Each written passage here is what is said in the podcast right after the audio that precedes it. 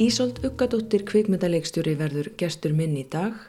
Hún hefur leikstýrt og framleitt fjöldastuttmynda í rúman áratug. Ísolt vinnur nú að sinni fyrstu kvikmynd í fullri lengt, andið eðlilega, sem verður tekin upp í haust. Well, I don't know. What do you think? Should I maybe buy more or? Is there possibly anyone left on the island that you haven't shopped for? Yeah, one. One. Yeah.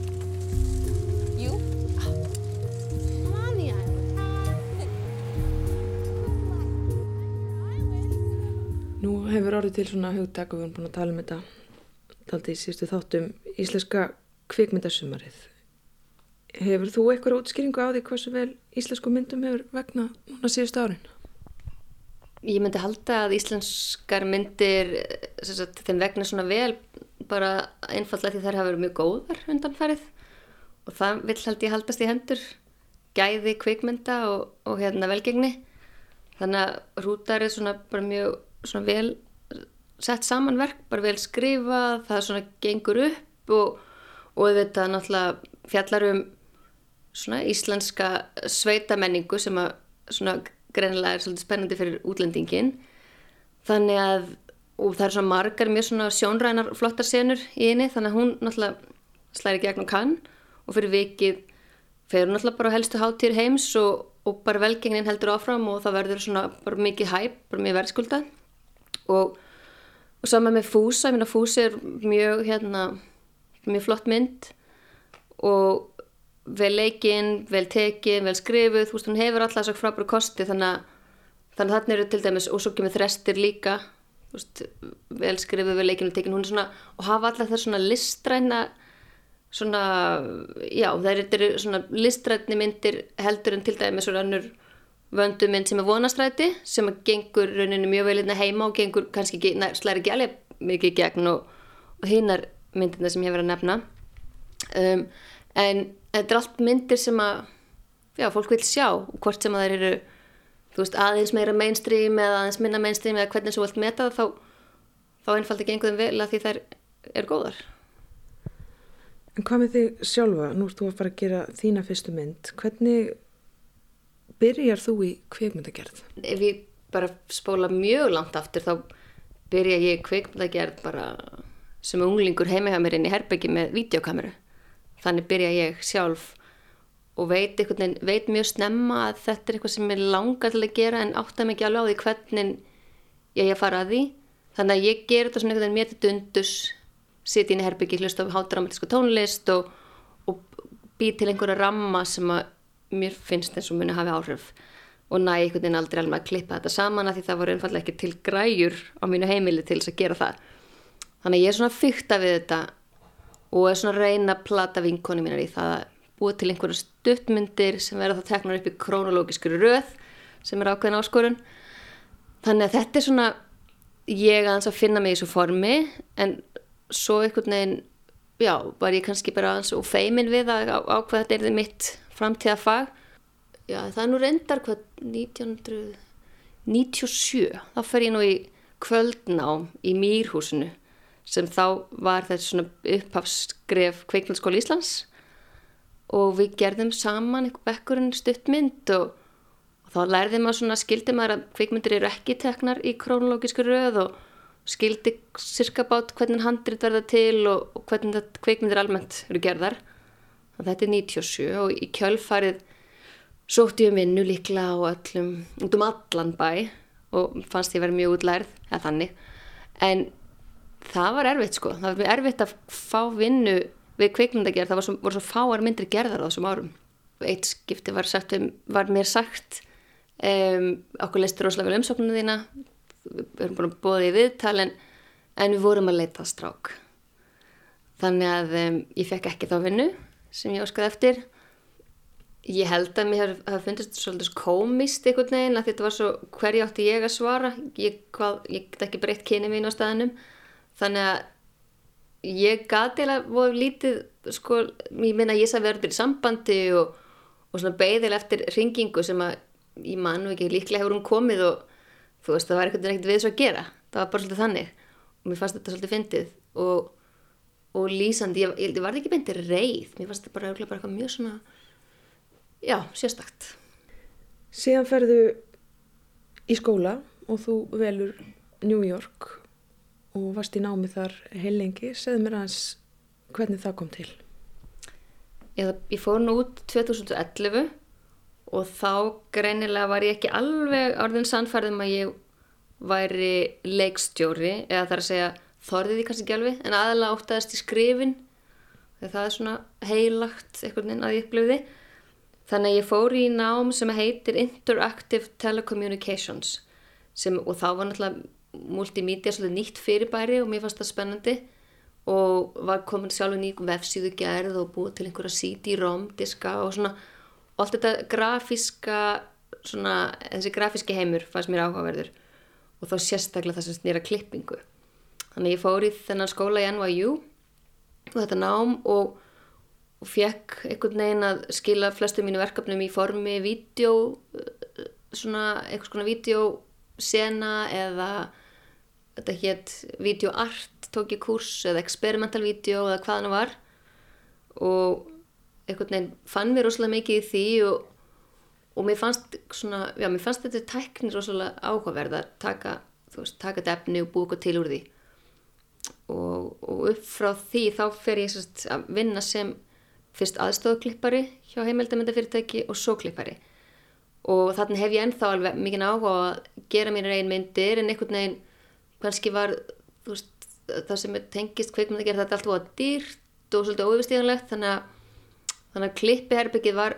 í rauninni ódýrastu kosturinn. Þú varst á launum við að búa til kveikmyndir annara og þurftur ekki borga fyrir það sjálfur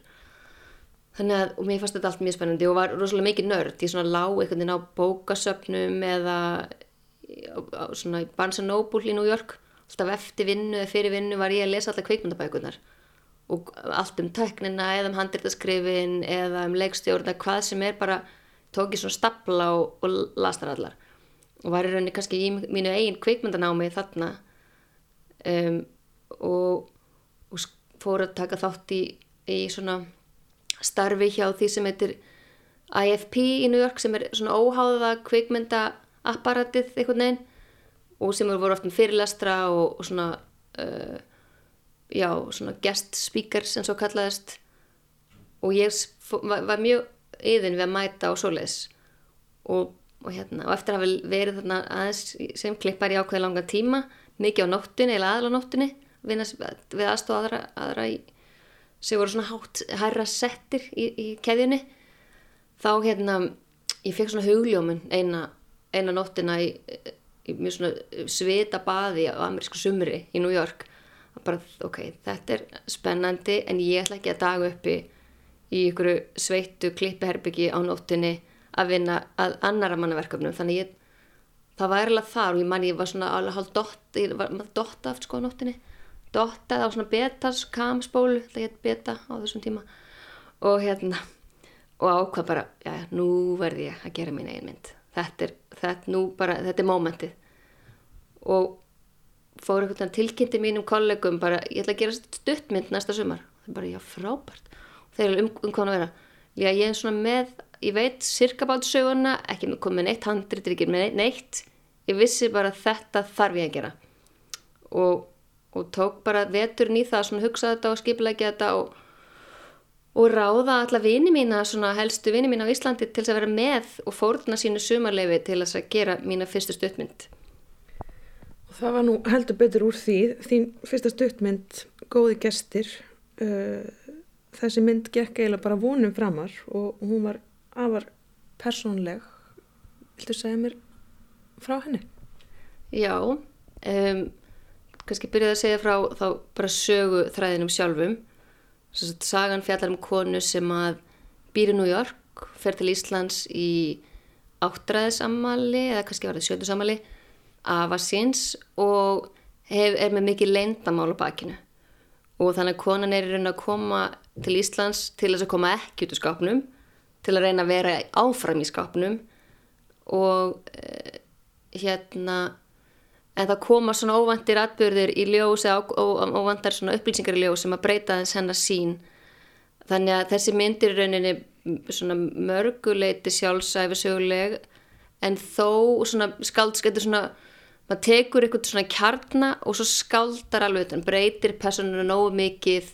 breytir nógu miklu til þess að þetta verði eitthvað neginn til þetta sleppi og, og líka eitthvað neginn, maður þarf að fá smá fjallægð á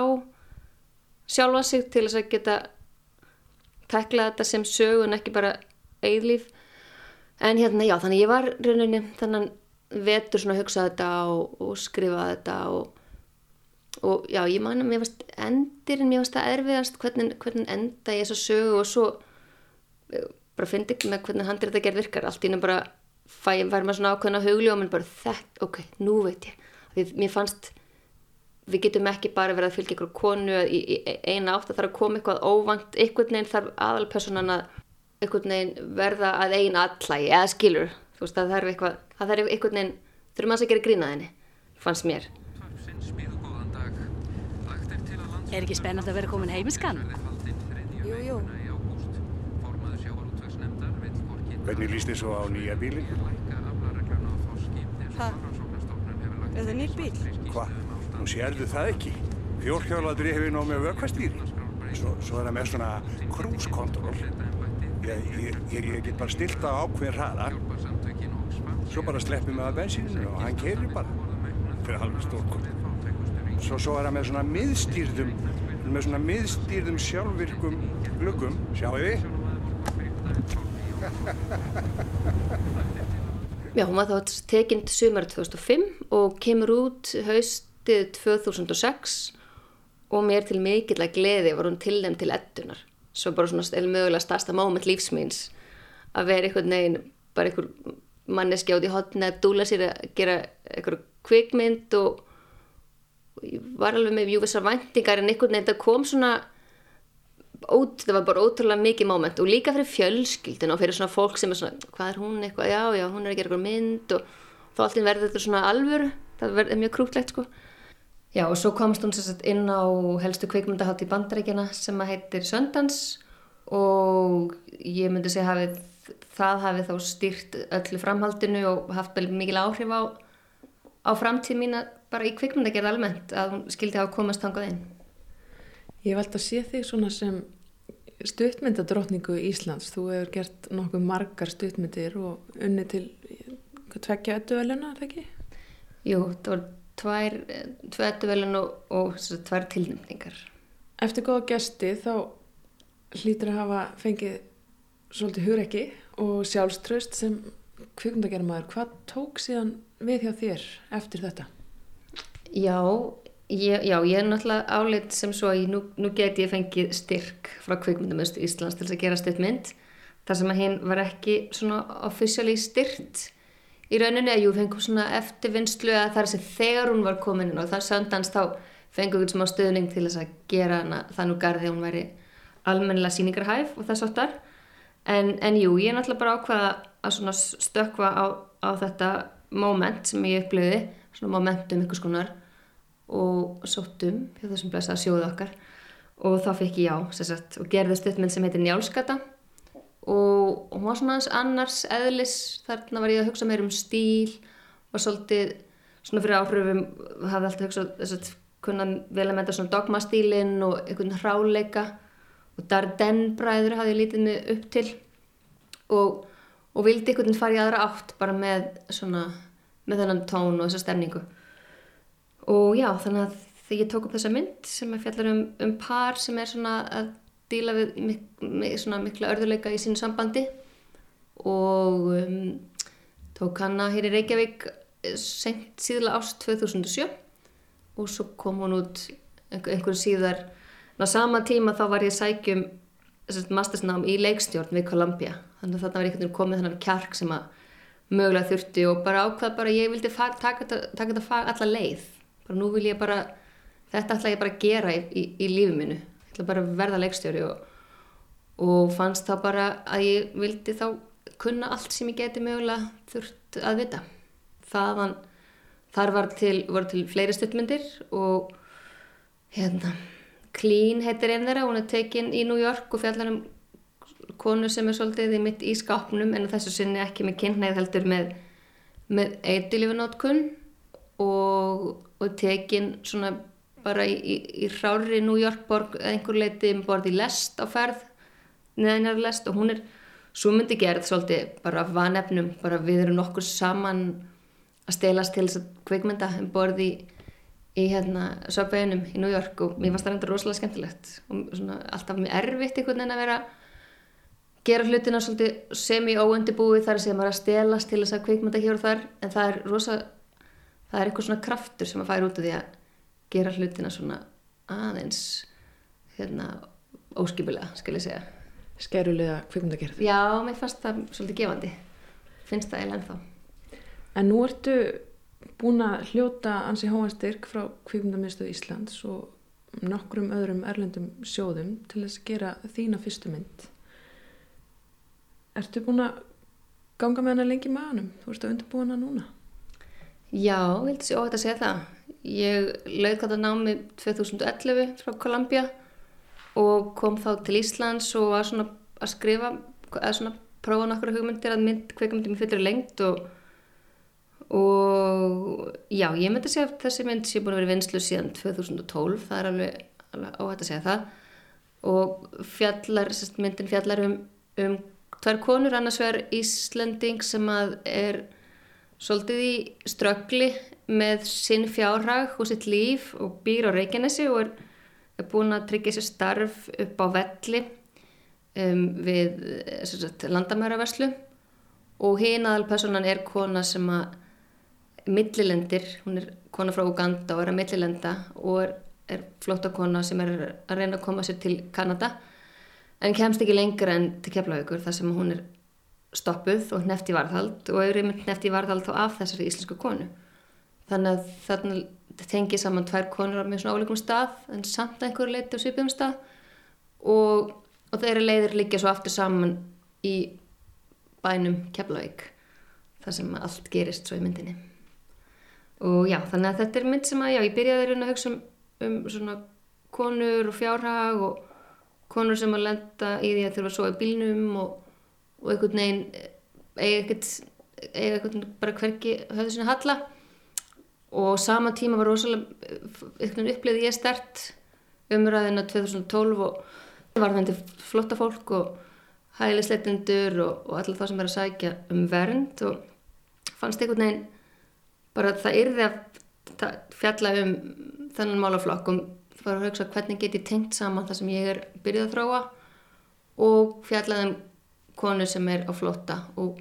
svo bara fór ég að hugsa og skrifa og vinna og, og tók alveg ágætna tíma í það og já, hann dritið ég held að fara með þróast 2013 og, og hérna 14 og já, þarna einhver tíma þessu, þessu ferli þá fengum við sér að fórum við gegnum allt þetta, allir þessu skref sem að fylgja því að sækjum hjá Kveipnaðsjó Íslands. Og fengum loksins þetta vilirði sem að þarf. Um, og þannig að það er allt klárt með það og, og svo heldum við að fórum, við myndin á svona um, ráðstöfnur erlendis og erum þá búin að tryggja okkur með framlegandur í bæði Belgíu og Svíþjóð og, og vil svo skemmtilega til að belgíski kveikmyndasjóðurinn er búin að veita okkur styrk og sænskis kveikmyndasjóðurinn sömulegis þannig að það er frábært að vera með svona komið svona heilt alþjóðlegt teimi á baku þetta verkefni. Þannig að nú er allt að smella. Blundar í þér eitthvað ótti eins og þú varst að gera þína fyrsta stöfnind? Það er alltaf ótti þetta er ekkert stuð það var ekki ótti. Hann fer aldrei. En maður bara svona reynir að nota hann á réttan hátt. Það er svona þú veist, ef þú óttast ekkert þá náttúrulega hefur ekki að neinu að vinna. Maður náttúrulega vill tryggja að komast ekki upp um mann og maður veit ekki hvað maður er að gera. Þannig að maður náttúrulega reynir að undibúa sig fyrir vikið vel. Þannig að það er bara, þú veist, það er náttúrulega mörg að huga. Þú þarf að hugsa um hvað ég segi við búningaupmanneskina hvað ég segi við leikmyndamanneskina hvað ég segi við tökumanneskina er svo mikið fólki sem vil fá svör. Þannig að maður þarf að tryggja það að maður hafi svona einhvers konar svör og reyðum hendum þannig að maður, það er svona allir vinna sem sama markmiði. Nú get ég ímyndað mér að þetta sé íslensk arthásmynd eða listræn mynd. Uh, mynd sem mun fara hátíðar veginn og þessar myndir sem eru síndar á þessum helstu hátíðum hver er svona eilugur markaður fyrir þessar myndir Nú er ég bara að tala um sko beinharða peninga. Hvernig fær maður þá tilbaka til dæmis bara sem leikstjóri? Já, það er náttúrulega gert ákveðin, sko, ákveðin áallun, bara fjárhans áallun og það er náttúrulega gert ráð fyrir því allir fá laun og náttúrulega bara þeir eru vantilega jafn há og kostnar áallun býður upp á, þú verður náttúrulega greiða mörgum, það er margir sem koma að þessu verkefni og tu, mörg, margir tugir manna og stundum mögulega hundruður en þeir eftir hvernig, hvernig telur þetta allt saman en þannig að þegar myndin er orðin að veruleika þá er þetta náttúrulega orðin einhvers konar sölvara og þegar myndir er að fara á kann til dæmis þá er þetta náttúrulega er ekki bara til þess gert þar að segja þeir sem fara þangað til þess að skoða listrænu kvikmyndir ásins það er náttúrulega fólk að skoða bæði mæta þangað hérna dreifaðilar og sölfulltrúar eða sales agents eins og kallast. Það er allir að leita efni sem hættir að koma á, á sjómanstöðvar eða á miðla hvaða miðla, miðla sem þeir eru hvort sem það er kvikmyndahús eða eða vot eða hvaðina þannig að hérna þannig jú, þetta vil maður að myndin sín fari eitthvað og fari ekki bara til Íslands fari, komast í bíón nú eru hrútar búin að vera mjög víða voru nú síðast, eða sérst ég man ekki hvað þeir voru nákvæmlega síðast en ég veit að þeir voru bíó í Pólandi gengur vel þar, bíó í Fraklandi ég er búin að selja út um allt ég veit ekki alveg upp á hár hvaða svæði hafa verið að kaupa myndina en þannig þetta er náttúrulega veist, ég, ég er ekki framleiðandi þannig ég ekki, veit ekki nákvæmlar nákvæmlar tölur en, en svo mynd við gengið mjög vel sem þó hún sé tellist arthouse, hún tellist listræn kvikmynd og er þar að leiðandi ekki að sko horfa á að byrja sér saman við Hollywood kvikmynd sem er öðruvísi þú veist, þú er bara með öðruvísi markmið og, og hann byrjar á því, Grímur byrjar á því að skrifa mynd sem hún finnst spennandi og áhugaverð og listræn kvikmynd. Hugsa svo ef hún selst frábært, það er frábært en myndin er ekki gerð til þess að vera söluvara. Og þannig líði mig með mína mynd að mér langar að gera mynd sem er áhugaverð spennandi, hefur svona samfélslega skýrskotun og hefur ykkur, þú veist, það, býr, það er pólitík sem býr baki þó maður reyna að fara fínt í það. Þannig að maður sé ekki einhvern veginn að þú veist, predika, maður er ekki reyna það. En, en ef, ef margir vilja sjá hann út í heimi þá er það bara mikill bónus Snúm okkur aðeins að aftur til Íslands og kannski svona bransans hér. Nú ertu búin að starfa í um það byrj tíu ár hérna í íslenska kvikmyndabransanum. Hvað finnst þér hafa breyst svona á þessum árum frá því að þú ert að byrja og þanga til í dag? Sko, já, ég hef svona unnið að ímsu bæði bara mínum einn verkefnum og svona unnið hjá öðrum fyrirtækjum. Mér finnst svona alltaf verið meiri fagmennska kannski að svona færst í þetta, þetta fag og ef við lít svona, ef við lítið baka það var, það var svolítið svona þú veist, vilda vestrið svona á þessum þegar ég er að fer þetta kveikmyndanám þannig að fyrst þannig að kvöldskóla 97 og þá eru kannski bara gerðar einhver einar, tvær myndir ári og, og þú veist, fyrir svona ungt fólk að koma sér inn í fagi það var, það var erfitt að það voru svo lítil tækifæri, fá tækifæri miklu fleiri tækifæri í dag fyrir fólk sem vil koma sér inn í þetta fag og, og líka náttúrulega með Hollywood sem er að mæta hingað og, og þú veist Íslandingar eru þjónist á þá og þannig að fólk fara að sjá hvernig þetta er unnið út í heimi. Um, þannig, að, þannig að þetta er svona einn ángin er þessi svona fagmennska, þetta er orðið meiri, meiri business um Svo náttúrulega líka annað, ég meina tæk, tæknin er orðið mjög aðgengileg, þannig að hver sem er getur tekið sér til og gert kveikmynd þannig séð. Það var miklu erfiðar því gamla dag þegar fólk þurfti að fara að kaupa filmu og framkalla filmuna og var alveg rándýrt og eiginlega bara, þú veist, svona þá gott til að kannski, veist, vaffás og hæg átta og hvað, hvað er formöndin héttu. En það koma svona þessi mini-DV-bilding þarna, hvað var að segja, 99, 98, 99 sem er þarna byltingin sem helst í hendur við dogma stílin þegar það fólk ákveður að gera kveikmyndir það sem er leiklistin og handritið er aðalatriði en ekki umgjörðin og, og svona leikmyndin og, og einhvern veginn, þú veist, við erum ekki að reyna að búa til rándýra ramma, við erum að reyna að búa til áhrifuríkar sögur, það er aðalatrið um, þannig að já, þannig að núna, núna þú veist þar ég sé það er svona svolítið virk neðinæru reyfing má, má segja, það eru margir ungir sem að við kannski vitum ekkert nöfnin á sem er að gera einhver myndir í fullri lengt sem að ég veit ekki hversu við það er fara en það, er, það eru nokkur dæmi um myndir sem hafa farið bíó undanförnu eða einhvern svona miðil sem eru bara myndir í fullri lengt gerðar algjörlega styrkjalust óháð bara svona gorilla stæl og mér finnst það bara mjög spennandi og flott og, og þetta er eitthvað sem að já, ég er ekki við sem hefur verið hægt þarna fyrir einhverjum 10-15 árum eða svo eða hefur verið erfiðar allavega Konur og kvikmyndir hafa verið töluvert í umræðinni núna síðustu ár og það verið sem að þær hafa ekki verið að skila sér í leikstjórnastólinn frátt fyrir að sannarlega séu þær þarna, hefur þú skýringar á því? Ég held að þetta sé breytast, mér finnst það, ég bara sé það hér og nú og ég líka kent aðeins svona ungum stelpum, svona stelpur skjóta, stelpur filma og svoleiðis, svona átök sem ég finnst mjög virðingaverð og, og nöðsynleg og mér finnst þessu kynnslóð, þú veist, segjum 12 ára til 16 ára, mér finnst þær, þær munur raunir breyta þessu, held ég, er bara einhver tilfinning sem ég hef að að það er ekki eitthvað svona kynjaskipting. Það eru allir með aðgengi að videokamera í símanum sínum, það er allir með myndavill í vasanum allan daginn þannig að það mun breytast held ég. Um, en svona fram til það sem við horfum bara mitt þarna dæmi um kallmæni sem tilkynir mér að þeir hafa verið leita strák. Þannig að það er í starf sem mér fannst ég að vera fyllilega eiga erindi í. En þannig að það er þarna einhver, einhver svona eitthvað grindverk eða einhver svona eitthvað erfitt að komast inn í fæði til að byrja með. Og það býr til ákveðina svona ákveðina tilfinningu hverna svona já ég, ég, veist, ég kann ekkert í þessu, ég hef aldrei unnið og sett, þetta svo þetta lítið svo stórt út, þetta er svo einhvern veginn já, bara vir, virðist vera floknara kannski auðan frá. Um, sérstaklega færði ekki færði ekki að komast inn í fæð þannig að það er, það er ákveðin vekkur svo fyrir þetta eftir framleiðendur. Framleiðendur hafa vald við sínum, sínum höndum til þess að ákveða vilja framleiða þessa mynd? Hversu mikinn áhuga metnað, hvað heitir hef ég til að berjast fyrir fæinu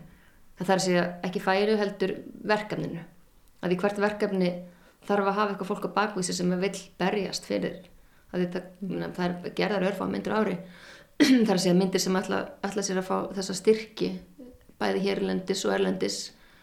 að það þarf einhver að hafa trú áverkefnið og tengja við það. Þannig að ég held kannski í gegnum, við horfum á íslenska kveikmyndagerð um, ég er ekki með nákvæmlega svona kynjaskipting á því hverju voru að framlega verkefnin en þetta snýst kannski líka eins um sjálfströst þegar kallmenninu kom inn með sitt sjálfströst hafa fulla trú á verkefninu fara bara einhvern veginn alla leið og stundum valda er bara yfir. Þú veist það er eitthvað svona þú veist sjálfströst oft stundum eða minna, þú veist það er bara allur gangur á því. Um, þeir eru ekkert að dúlla sér endilega eilifu yfir verkefnunum kannski síður, það er óalgengara held ég. Og koma þú veist, ef þeir fá sinjun þá koma þeir bara strax aftur. Og, og ég held að konundar eru kannski hafa öðruvísi metnað vilja hugsa það hans lengur, pæla hans lengur í þessu. Um, kannski hafi ekki náðumkla trú á verkefnunum eða hvað það er. En svo er það það kveikmyndamiðstöðar sem er náttúrulega ríkistofnun sem er sísla með almanna fjö á náttúrulega, þú veist, ber ábyrð á því að tryggja að það sem við sjáum svo endanum er ekki bara myndir og kallmenn að sjálfsögðu, þannig að það er líka mikil ábyrð, þetta er svona þetta er mjög, þetta er svona víða og þú veist, það er alltaf að vera að skoða einhver, einhver súluritt og einhver kökuritt um hver, hversu margir sækjum og og hvert hlutfallir sé og, þú veist, ég er ekki með svo tölu fyrir fram að mig en það er, þú veist, það er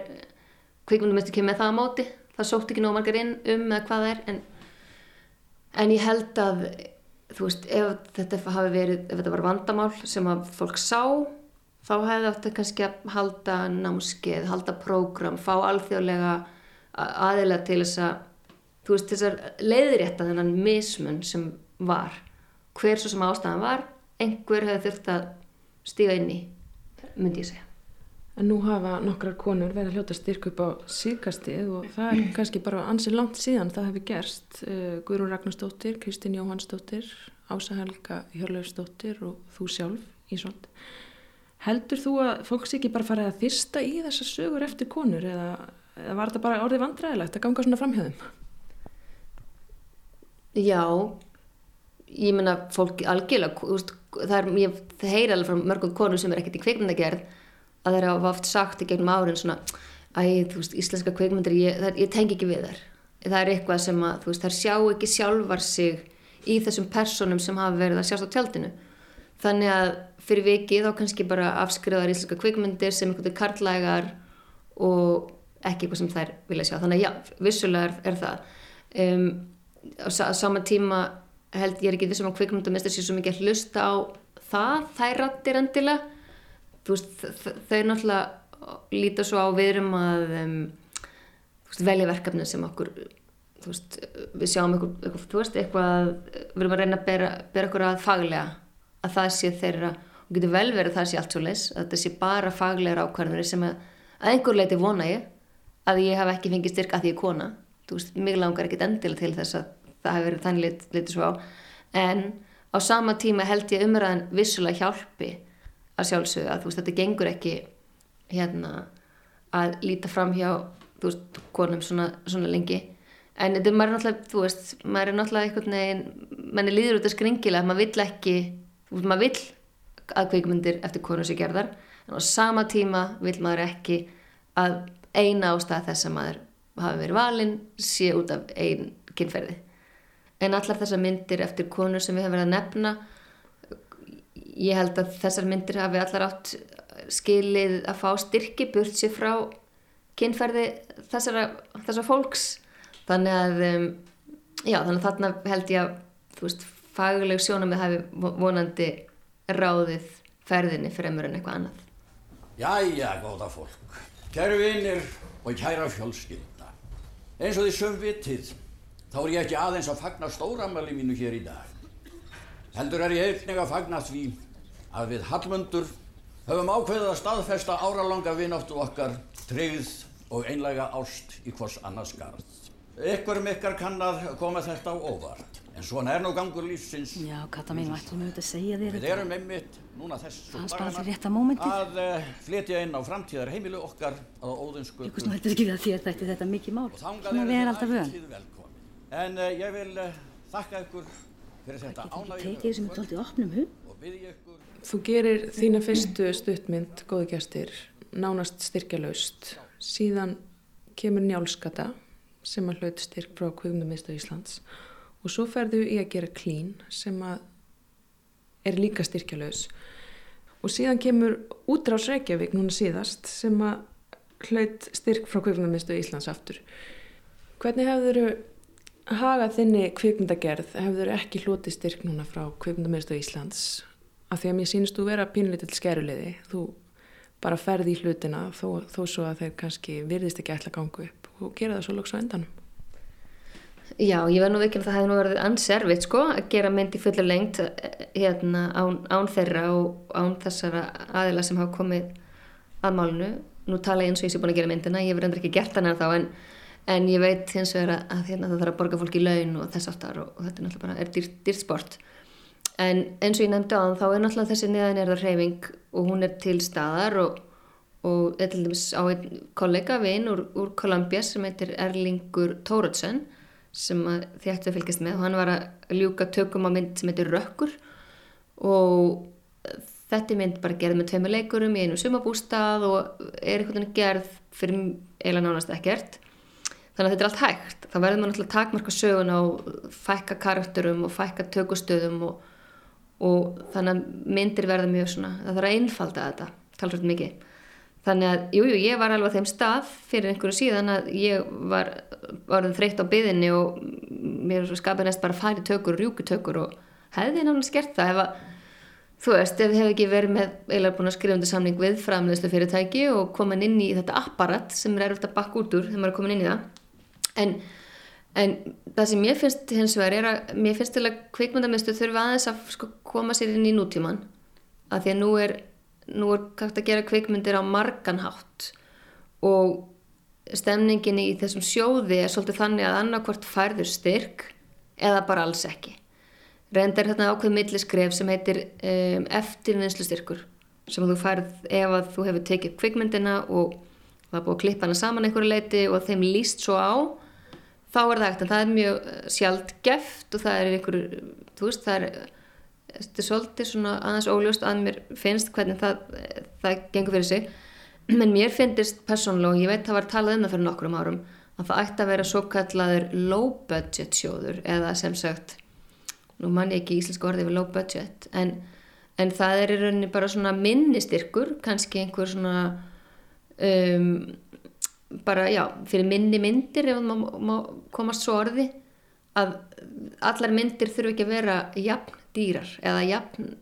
viðamiklar eða floknar eða hvernig við viljum orða það.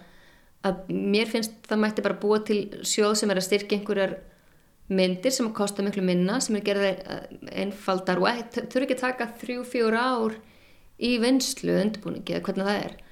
Og þann, stemningin þannig líka bara hjá mínu kollegum í New York sem voru með mér í námi og þess áttar að fólk, þú veist, tölurnar sem við erum að borga fólki fyrir krú er oft hærri heldur en sumir í þessum skæruliða bransa í New York sem að það er bara svo mikill áhuga að gera verkefnið að við getum að gera það hvað sem það kostar. Á samanskapi eru náttúrulega fleiri um, kvikmyndagerðarmenn í New York þannig að þú auðveldur kannski að manna alla stöðunar við erum náttúrulega færri á Íslandi og færri ljósamenn eða færri þú veist aðstofakamerum aðeila sem eru að þú veist taka fókus og þess aftar þannig að það er aðeins öðruvísi. En en ég held bara einhvern veginn að, að kvikmyndamistur þurfi aðeins að þú veist hald, fara í komast í þennan nútíma þar sem við erum að gera margskonar kvikmyndir og gefa líka fólki tækifæri fyrr að láta fólki ekki býða svona lengi að tefja þetta einhvern veginn. Og mér það því mér finnst svolítið mér finnst, þetta er svona, þetta er fyndin list. List þar sem að þú farði hugmynd og finnst þú frábær fjórum árum setna ertu að taka hann upp? Og stundum bara er maður komið leið á hugmyndinu sinni alltaf, veist, það er bannað maður verður að halda sér þú veist, halda, öllu, halda sér ferskri og, og, og passa allir sér áhuga samar og svo leiðis en minnst þetta eitthvað svona að drepa sköp, sku, hérna, sköpunarkraftin að, að hérna, bjúrokrasjan sé svona þung og flókin. En hérna, til að því að þú horfum á Dani Dani eru með eitthvað sem heitir New Danish Screen og, og reyna einhvern veginn að um, hjálpa svona nýliðum að brjótast inn og gera ekki bara stuttmyndir heldur nýja kvikmynd og það er heldur þetta gangi hans hraðar fyrir sig en, en við erum eitthvað eftir á held í þessum efnum enn sem komið er Þetta verða loka orðin okkar í dag. Takk fyrir Ísolt Uggadóttir kvikmyndaleikstjóri og þið sem álítið.